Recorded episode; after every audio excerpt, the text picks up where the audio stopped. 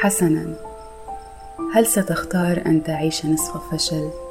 وما الذي ستخسر إن لم تفشل؟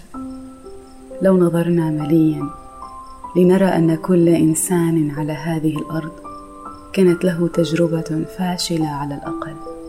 ولكن كانت أسباب الوقوع في هذه التجربة تختلف من شخص لآخر. فمنا من كان يمنعه خوفه عن خوض التجربة.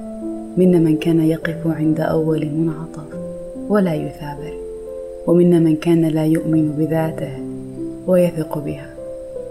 وإذا فكرنا عميقا هنا لرأينا أن كل تجربة فاشلة مررنا بها من اختيار خاطئ إلى إخفاق دراسي أو خسارة مادية وحتى علاقة فاشلة كانت معها حزمة من الخبرة والتجارب.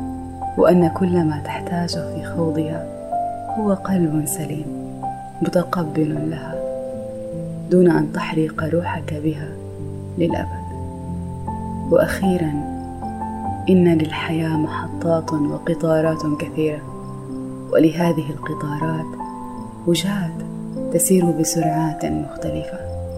فلا تنظر إلى قطار غيرك فوجهتكما ليست واحدة ولتنجح يجب عليك أن تدرك أن الوصول ليس الغاية بل الغاية الأهم تختبئ في خطوات الطريق في تعثرك وحزنك وخوفك وانطفائك وأن الحياة جديرة بأن نحياها والأحلام جديرة بأن نكافح لأجلها. وما دمت تعيش فلا تيأس هيا انطلق الحياة أمامك.